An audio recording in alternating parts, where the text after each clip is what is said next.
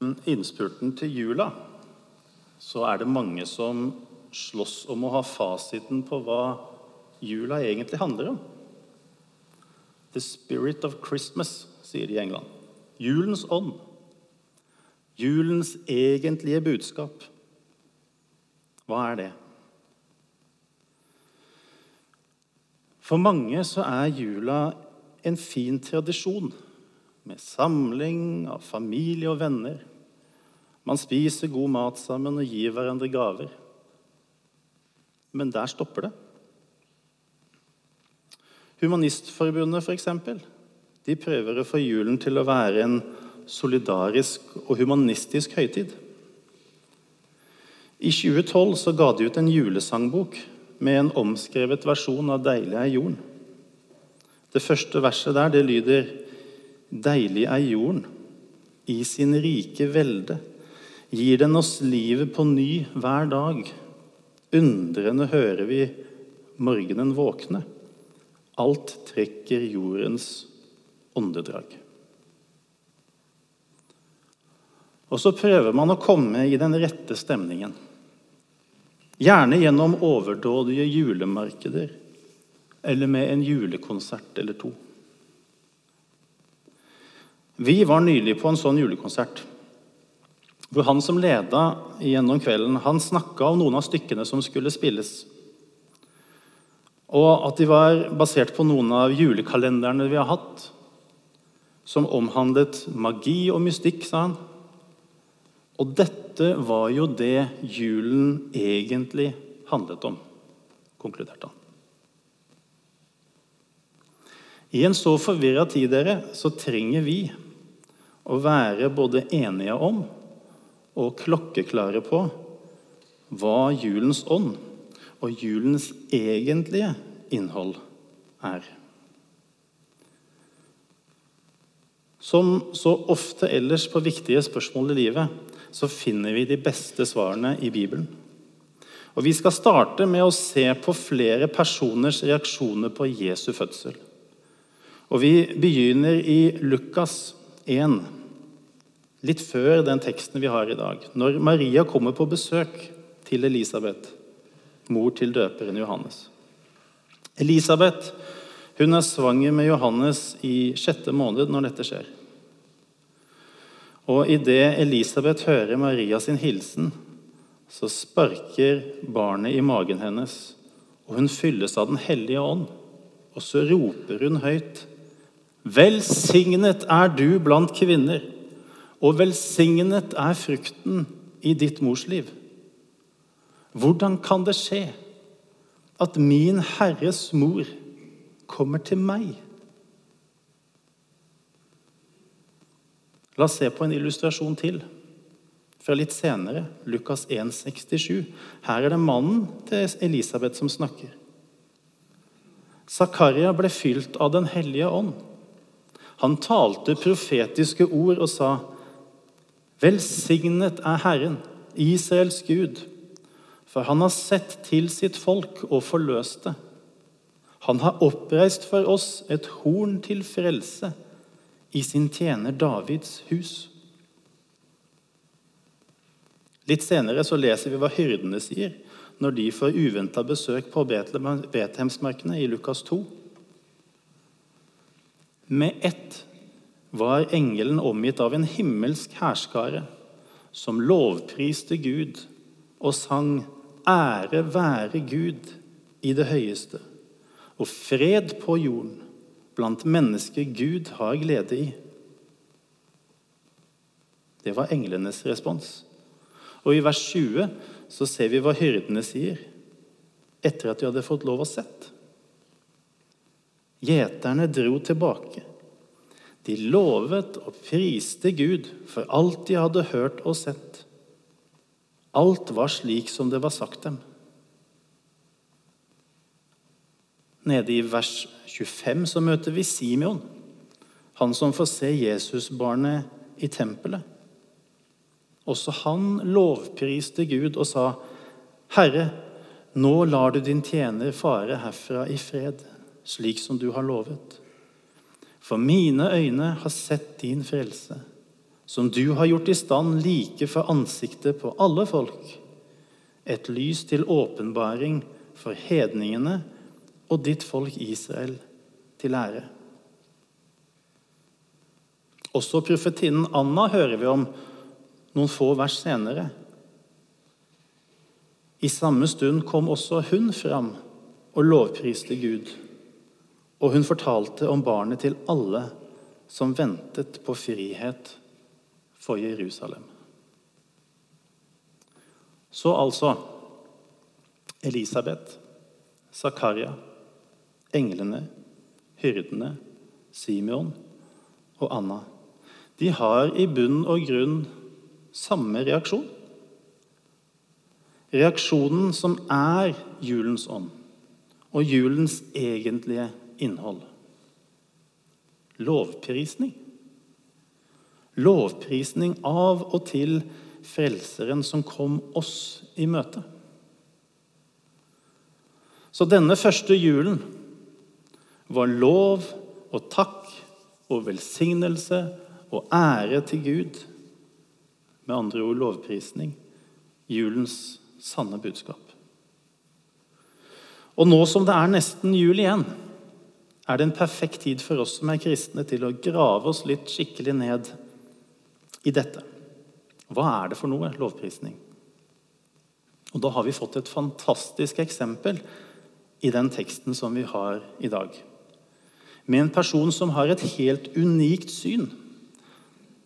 En uovertruffen intimitet og kjennskap til Jesus her på jorden nemlig moren hans Maria.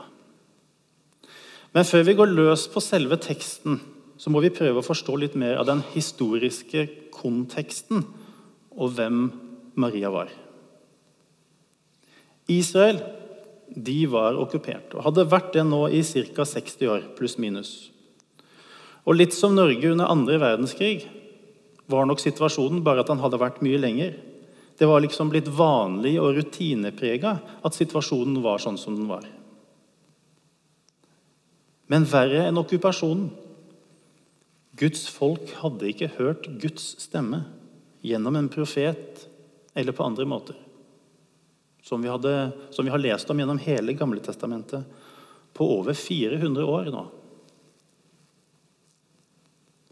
Så en dag er det at Zakaria en gammel prest som bor i en av fjellbygdene i Juda, er inne i Jerusalem og gjør sin tjeneste i tempelet der. Der blir han plutselig møtt av engelen Gabriel og får beskjed om at et mirakel skal skje. Du skal bli far til den største profeten som noensinne har levd. Han skal rydde vei for Guds sønn. Det er første gang en israelitt ser en engel på over 450 år. Kona Elisabeth, som også er blitt gammel, hun blir med barn. Og når hun er i sin sjette måned, så blir engelen Gabriel sendt på et nytt besøk. Denne gangen til en by i Galilea som heter Nasaret. Og Her møter vi altså Maria. Maria er en jente, 13-14-15 år gammel, vi vet ikke helt sikkert, som bor i denne lille landsbyen. En ubetydelig plass i Israel. Og en ubetydelig jente i det israelistiske samfunnet. Men en slektning av både David og Elisabeth. Og Fra engelen så får denne tenåringen en beskjed som er på grensen til uforståelig. Du skal bli gravid uten å være sammen med noen mann. Og barnet du får, er hellig. Han er Guds sønn. Som et tegn får en vite at Elisabeth også venter en sønn. Noe som jo skulle være umulig også i hennes alder.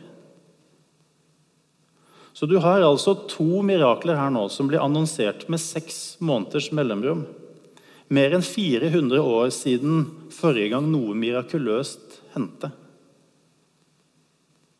Og Maria hun skynder seg til fjellbygdene for å møte Elisabeth.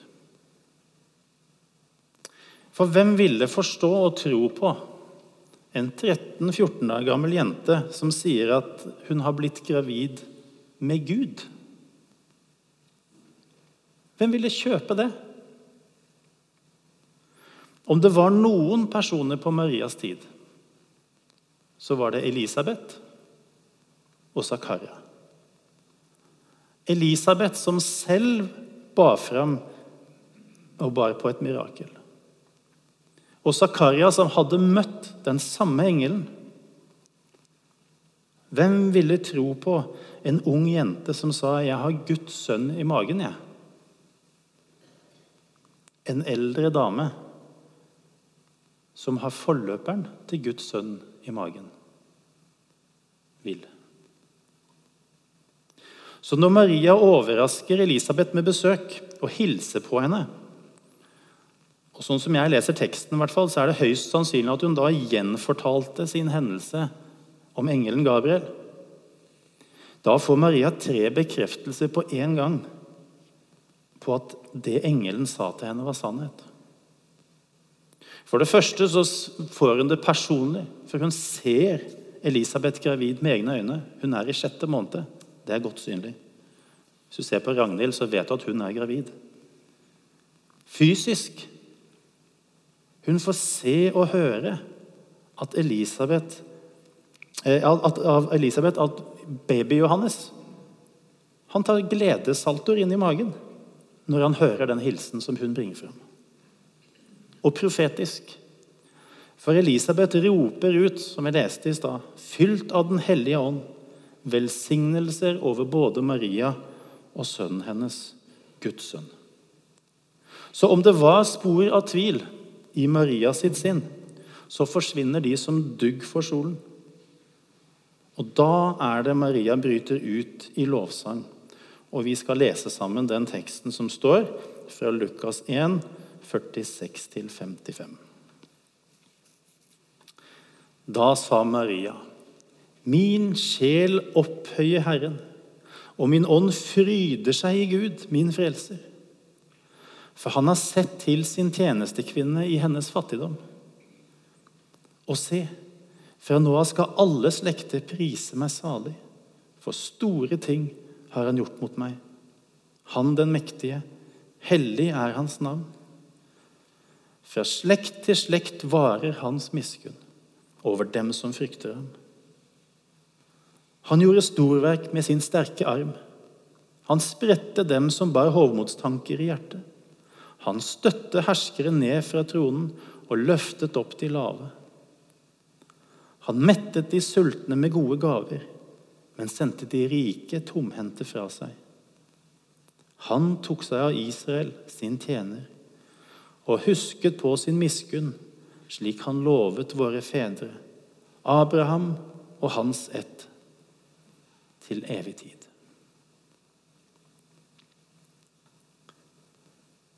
Marias magnificat, sier de latinsk, eller lovsang.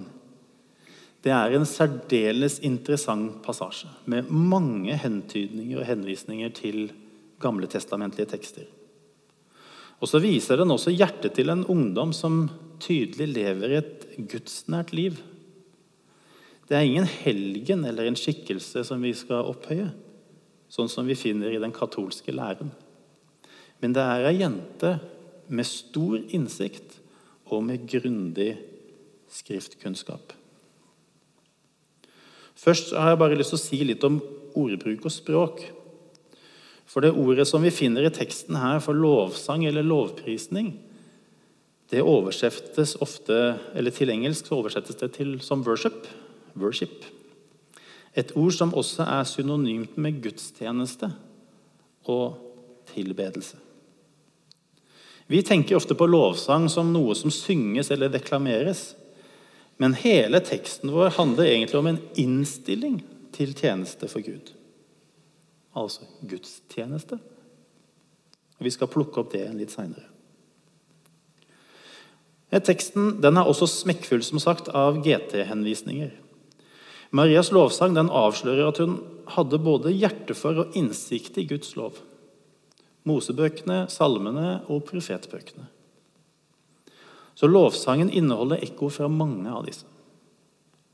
Og Hvis du husker Hannas bønn, hun som er mor til profeten, presten og dommeren Samuel, så finner vi flere ekko til den bønnen som Hanna ber i 1. Samuels bok, kapittel 2. Referansen til opphøyelse og velsignelse fra Gud fra vers 46 den finner vi igjen mange andre steder også i GT. F.eks. her i Salme 34. Jeg vil velsigne Herren til alle tider. Alltid lovsynge Han med min munn. Og tituleringen av Gud som frelser, fra vers 47, det er et ekko av Jesaja. Det finnes ingen andre, annen Gud enn jeg, ingen annen rettferdig og frelsende Gud.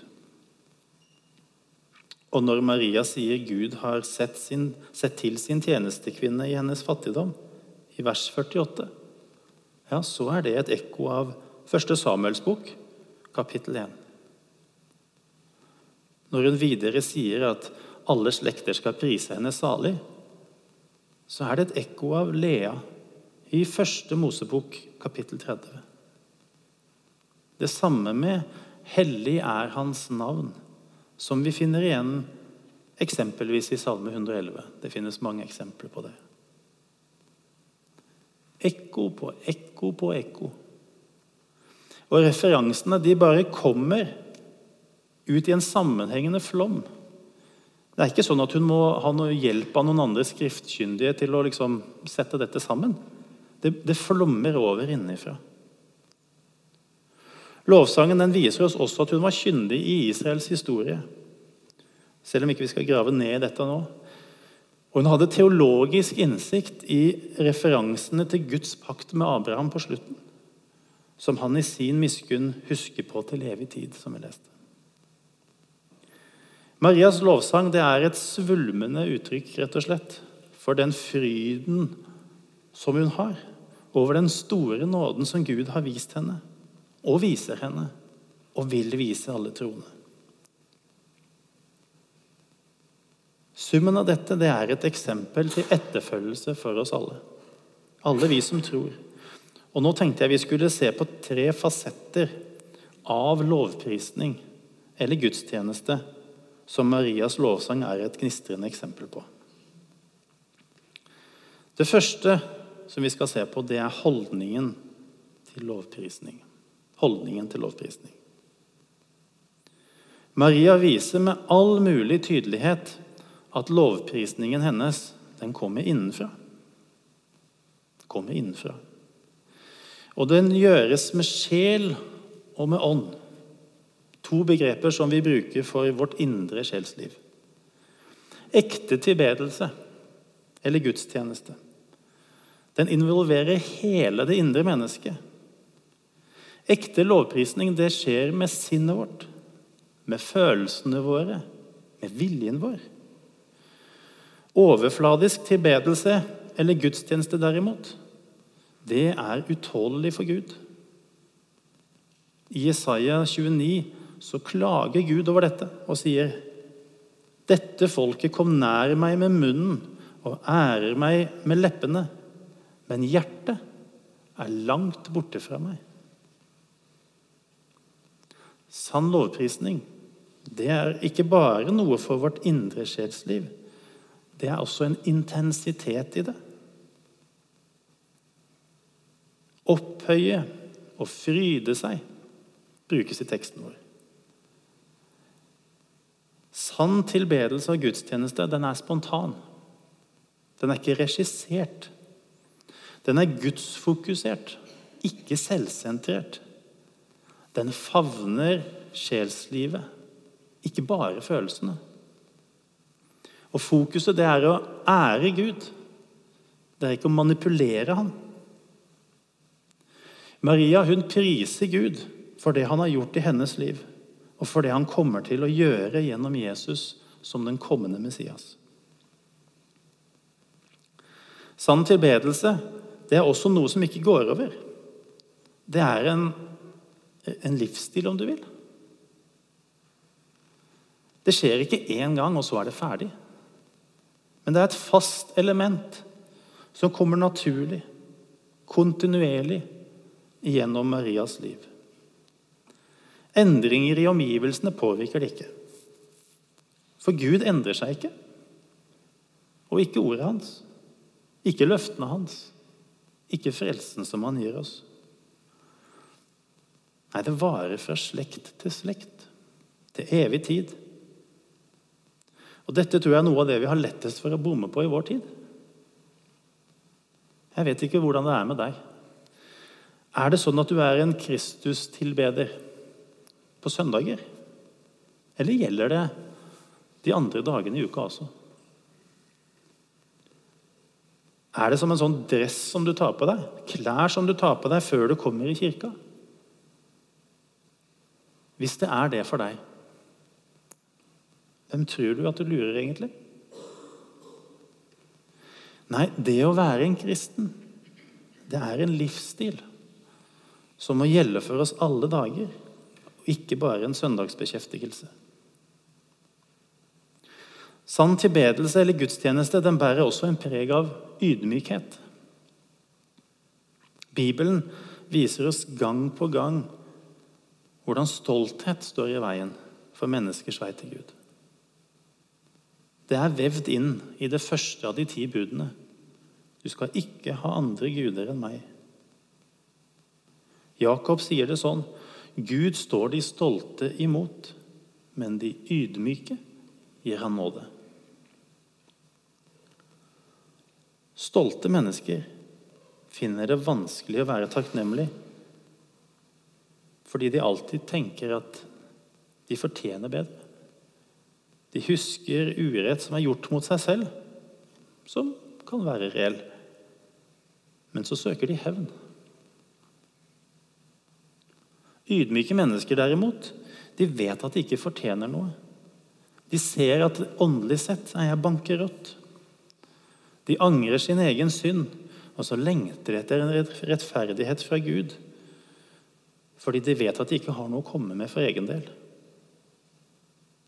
Og For å kunne komme til den erkjennelsen, og få lov å være i den, ikke minst, så trenger du og jeg stadig å utvide kunnskapen vår om Gud. Så kjære venn, hvis du aldri åpner Bibelen på egen hånd, aldri bruker tid i Guds ord på egen hånd, da står du i fare for å forbli som et barn i en krybbe, holdt jeg på å si. Et åndelig spedbarn. Og Da blir du et lett bytte.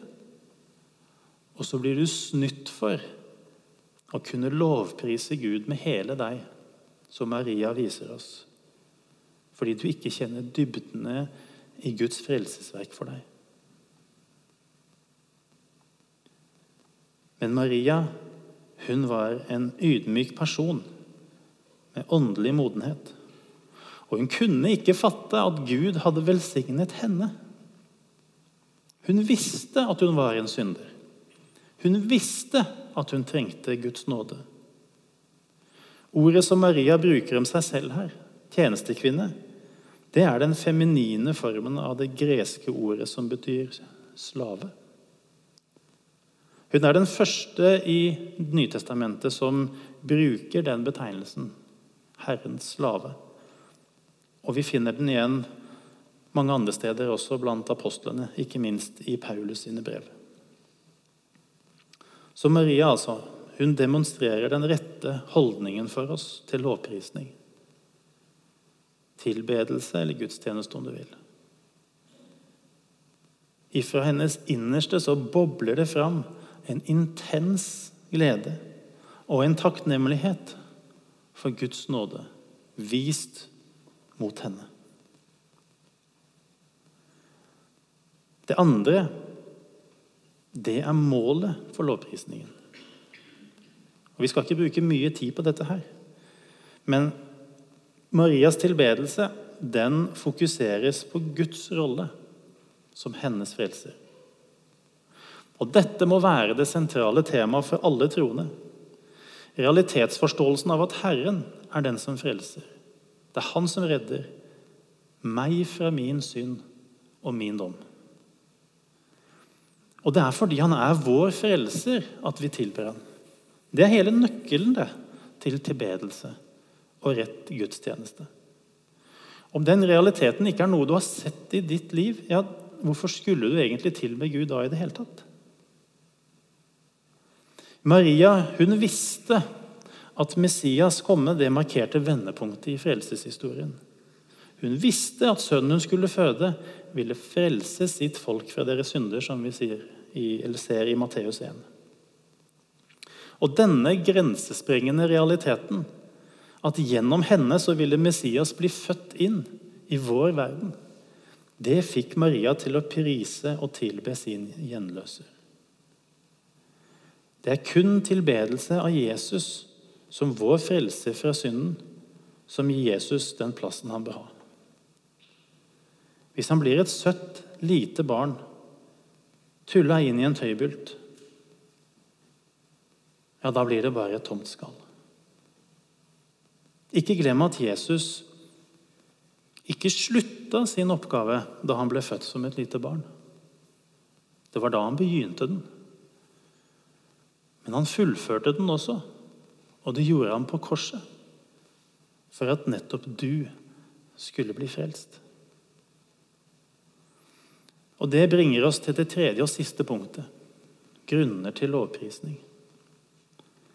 Maria hun gir oss tre grunner for sin lovprisning i disse versene. For det første sier hun at den mektige har gjort store ting for henne. Så store at alle etterfølgende generasjoner vil prise henne salig. Å være mor til Messias det må kunne sies å være den største ære som noen kvinne noensinne har opplevd. Men hva har Gud gjort for deg? Hva har den absolutt hellige, den allmektige Gud, gjort for en ynkelig liten synder som meg og som deg? Du, han har frelst deg fra all synd. Han har frelst deg fra all synd. Og så sitter han i dag ved Guds høyre hånd i forbønn for deg. For deg! Så om du har glemt det, kjære venn, tenk på alt Gud har gjort for deg. At han faktisk sendte sønnen sin ens ærend for å redde deg fra evig fortapelse. Så det første, altså Lovprisning over hva Gud har gjort i eget liv. Det andre som hun viser oss, det er Marias lovprisning over hva Gud gjør i andres liv. Og Her siterer hun fra Salme 103. Den lovprisningen den ser også fremover til vår tid, og videre faktisk òg. Maria hun priser sin Herre for all den nåde og all den miskunn som han viser til oss, vi som er her, vi som er her nå. Sånn som vi også bør be om det samme for våre kristne brødre og søstre over hele jorden. Og til slutt så tilber Maria Gud for det han har gjort for sitt folk gjennom historien. Og Av og til så kan det være vanskelig å se hva Gud gjør i nåtid, i livene våre nå. Og det kan sannelig min hatt være vanskelig å se hva han skal gjøre fremover. Men det å snu seg og se tilbake i historien og se etter sporene ifra Gud Se på alle løftene som vi har fått i Bibelen, og alt som har gått i oppfyllelse. Det kan vi alltid gjøre.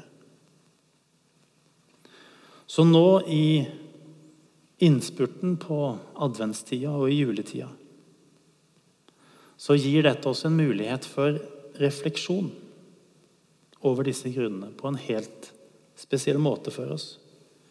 Til å reflektere over en ufattelig frelsesplan som treffer deg. som er så intrikat at den går inn i livene til alle vi som sitter her. Og som har en sånn puls gjennom hele Bibelen at selv i dag så kan det gi oss nye oppdagelser av Guds overveldende nåde til oss gjennom historien.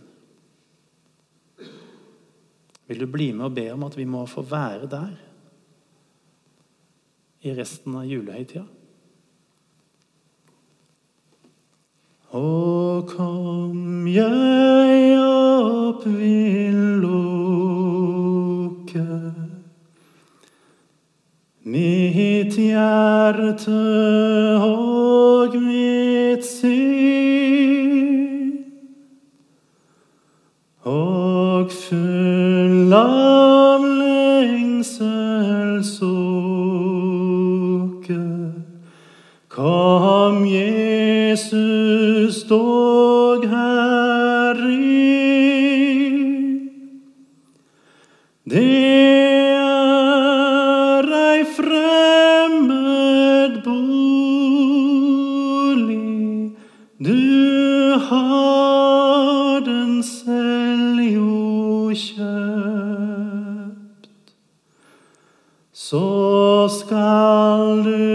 Blive trolig